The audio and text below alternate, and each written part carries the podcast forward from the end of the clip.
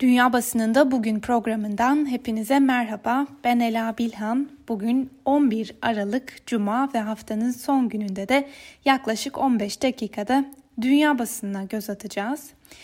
Bugün bültenimize Avrupa Birliği'nin Türkiye için verdiği kısıtlı yaptırım kararının detaylarına göz atarak başlayalım. Avrupa Birliği Liderler Zirvesi'nin ilk gününde Doğu Akdeniz'deki faaliyetlerinden dolayı Ankara'ya uygulanacak yaptırımın kişiler düzeyinde kısıtlı olması kararı alındı. Euronews ise haberi şu sözlerle aktarmış. Türkiye'nin görüşüldüğü zirve başladı. Avrupa Birliği sert yaptırımları Mart ayına bırakabilir. Yaptırım taslağının son halini aktaran Reuters haber ajansının geçtiği bilgiye göre Avrupa Birliği şimdilik var olan ve içerisinde sadece iki kişinin bulunduğu yaptırım listesini yeni isimler ve şirketlerle genişletecek ve daha sert yaptırımları Mart ayına erteleyecek. Avrupa Birliği'nin bu konuda yeni Washington yönetimiyle koordineli hareket etmeyi tercih ettiği için erteleme yoluna gittiği de tahmin ediliyor. Zirvede çıkan Türkiye kararı Voice of America'nın da gündeminde diplomatlara göre Mart ayında çıkacak karar üzerinde Türkiye'nin Doğu Akdeniz'deki gerilimi azaltmaya ne kadar istekli olduğu da belirleyici olacak. Yunan basınından Ekatimerini zirveden çıkan kararı şu sözlerle değerlendirmiş. Yunanistan ve Kıbrıs Türkiye'ye yaptırım uygulanması gerektiği konusunda uzun süredir baskı uyguluyorlardı. Ancak AB liderleri iki ülkenin bu kararına direnmeyi tercih ettiler.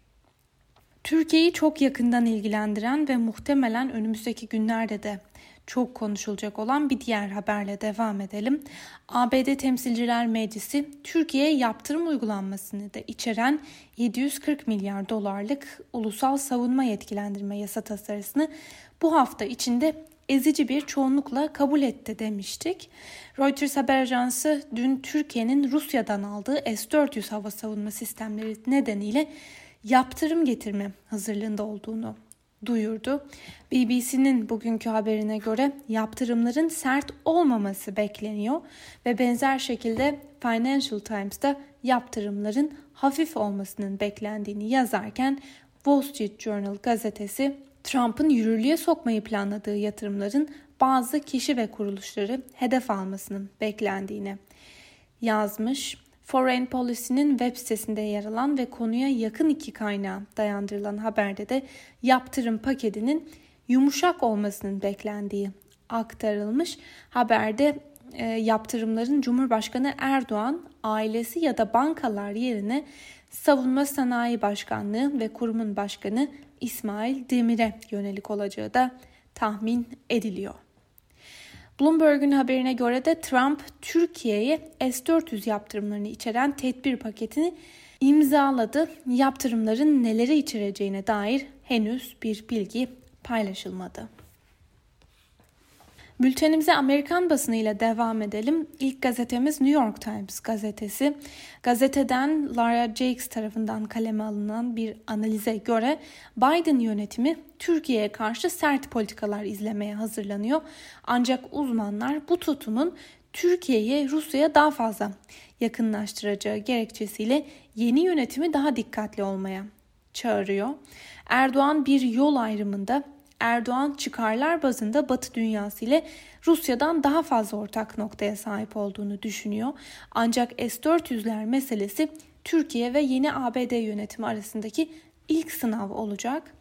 Ve Lara Jakes'in yazısına göre artık Başkan Trump'ın Türkiye'nin otoriter liderine olan sevgisiyle dizginlenemeyecek olan ABD'li yetkililer ve kongre Türkiye'ye yönelik yaptırımları devreye sokmak ve stratejik ama güvenilmez müttefike karşı sert bir tavır takınmak için zaman kolluyor. New York Times'ın gündemdeki bir diğer haberi de sizlere aktaralım.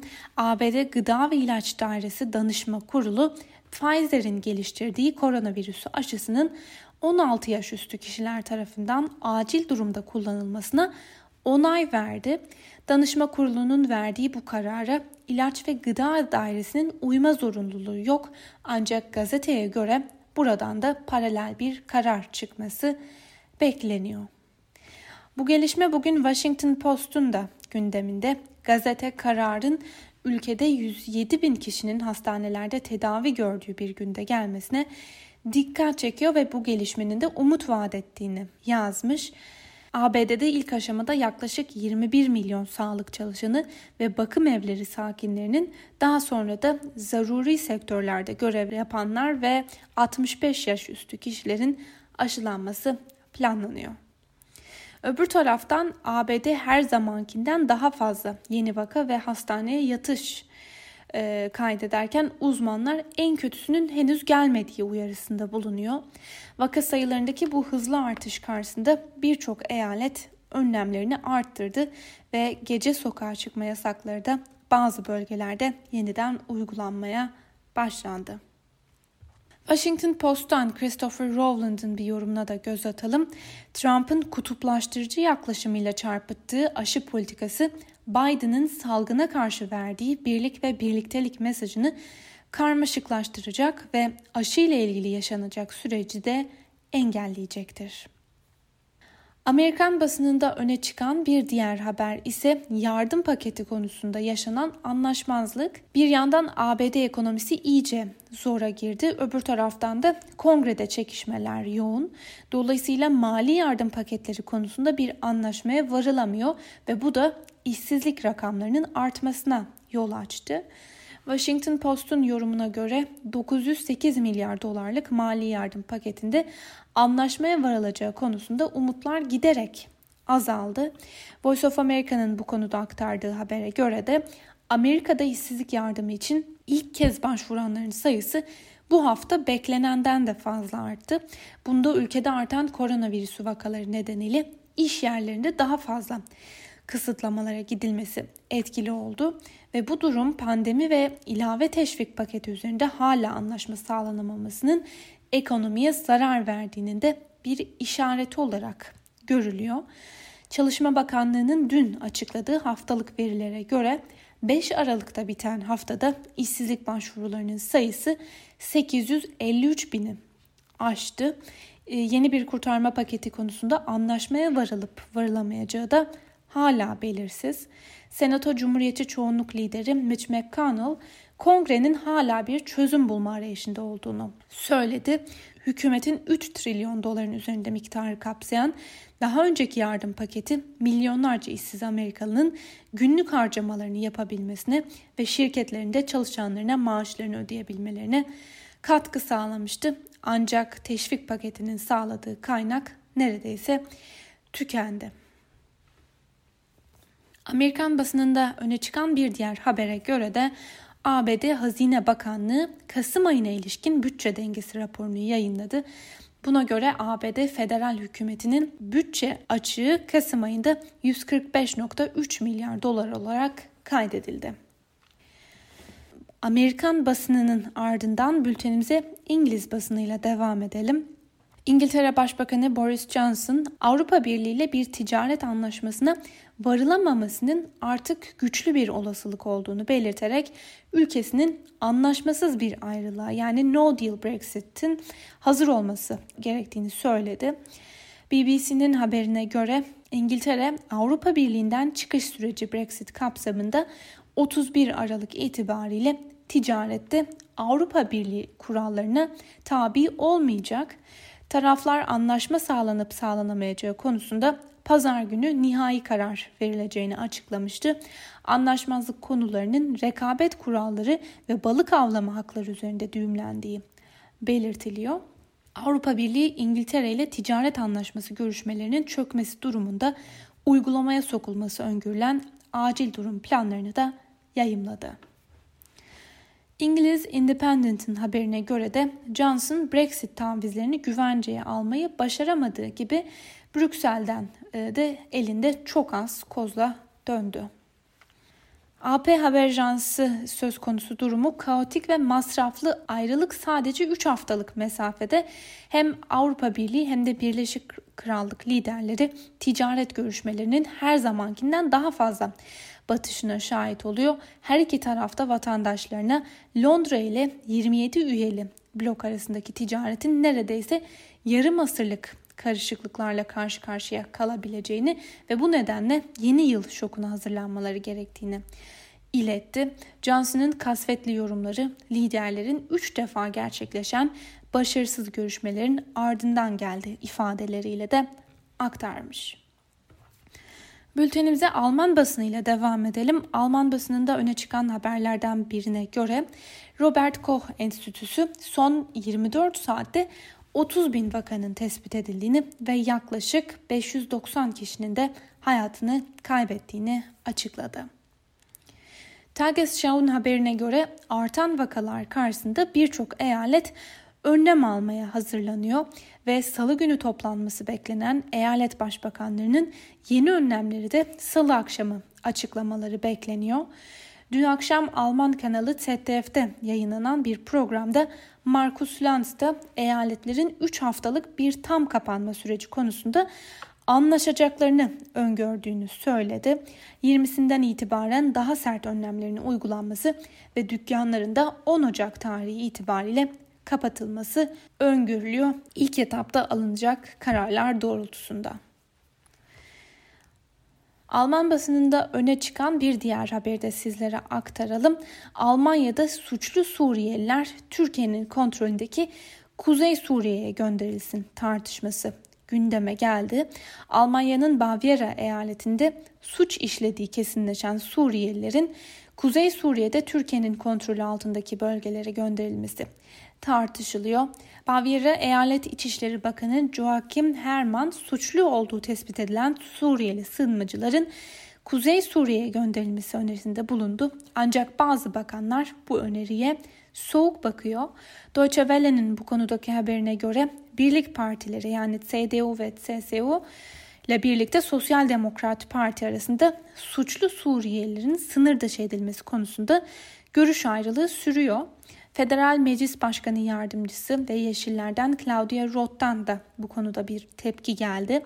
Roth, Suriye'nin bir işkence devleti olduğunu, diktatörlükle yönetildiğini ve hala kimsenin güvende olmadığı bir savaş ülkesi olduğunu ifade ederek kimsenin Suriye'ye yollanmaması gerektiğini söyledi.